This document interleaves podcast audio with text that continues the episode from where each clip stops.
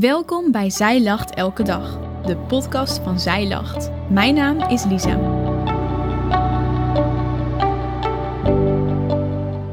Dit is de overdenking van 11 juli, geschreven door Natanja Koster.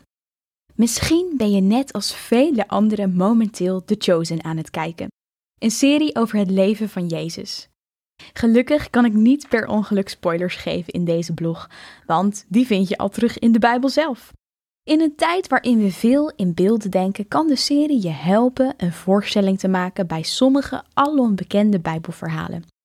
Voor mij was dit het geval toen ik de scène zag over de genezing van zieken en het badwater dat beweegt en geneest. Laten we vandaag eens inzoomen op dit verhaal. In Johannes 5, vers 1 tot 9 vinden we het.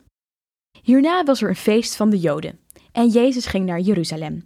En er is in Jeruzalem bij de schaapspoort een badwater, dat in het Hebreeuws Bethseda wordt genoemd, met vijf zuilengangen.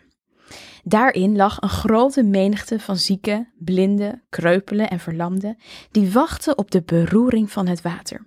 Want een engel daalde van tijd tot tijd neer in het badwater en bracht het badwater in beweging. Wie dan het eerst daarin kwam, na de beweging van het water, werd gezond, aan welke ziekte hij ook leed.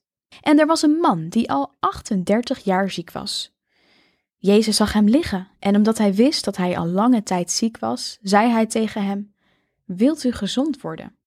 De zieke antwoordde hem: Heere, ik heb geen mens om mij in het badwater te werpen wanneer het water in beroering gebracht wordt. En terwijl ik kom, daalt een ander voor mij af. Jezus zei tegen hem: Sta op, neem uw lichtmat en ga lopen. En meteen werd de man gezond, nam zijn lichtmat op en ging lopen. En het was sabbat op die dag. Johannes omschrijft een bijzondere plek, een badplaats bij de schaapspoort, een bekende poort in Jeruzalem. Deze plek heette Bethseda, wat vertaald kan worden als huis van barmhartigheid. Eén keer in de zoveel tijd was het zover.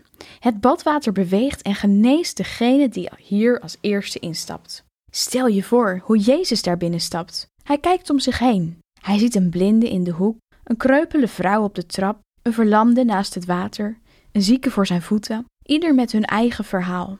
Verstoten, verworpen. Waar wij hier binnen zouden stappen en alleen maar ellende zouden zien, kijkt Jezus met andere ogen. De ogen van Jezus vallen op een man die al 38 jaar ziek is. Zoals we vaker terugzien in de verhalen van Jezus, begint het hiermee. Jezus ziet. Jezus ziet de nood. Hij ziet de persoon. Hij ziet het wonder. Dit moet heel bijzonder zijn geweest voor deze man. Niet langer was hij een object van medeleven en barmhartigheid, maar Jezus zag hem. Jezus spreekt hoop in de uitzichtloze situatie van deze man met de woorden: Wilt u gezond worden? In het antwoord van de zieke man klinkt door dat hij de hoop al had opgegeven. Maar misschien zou Jezus hem in het water willen tillen wanneer het badwater begint te bewegen. Maar Jezus heeft een veel groter wonder in gedachten. Hij spreekt de woorden: Sta op, neem uw mat en ga lopen. En de zieke man is genezen. Best een lastig verhaal ook. Een engel die alleen de snelste wil genezen? Dat klinkt niet helemaal eerlijk. Toch zie je in dit verhaal Gods ontferming over de eerste, de laatste en iedereen ertussenin. Zijn ontferming over de eerste persoon die het water bereikt en geneest. Jezus zijn ontferming over de laatste man die nooit in dat water kan komen. En zijn genade voor iedereen die nog niet als eerste in het water is gekomen of genezen is door Jezus, maar die nog steeds een kans hebben bij het volgende moment dat het badwater beweegt en geneest of dat Jezus langsloopt.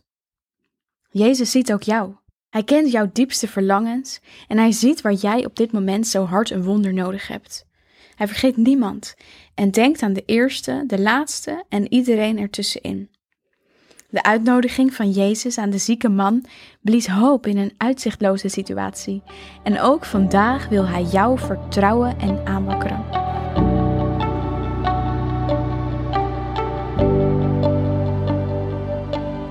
Dankjewel dat je hebt geluisterd naar de overdenking van vandaag. Wil je de overdenking nog eens nalezen? Check dan onze website. Je vindt daar ook nog meer toffe dingen die jou helpen om de Bijbel vaker te openen, zoals boeken, Bijbels, cursussen en evenementen. Morgen ben ik weer bij je terug met een nieuwe overdenking. Tot dan!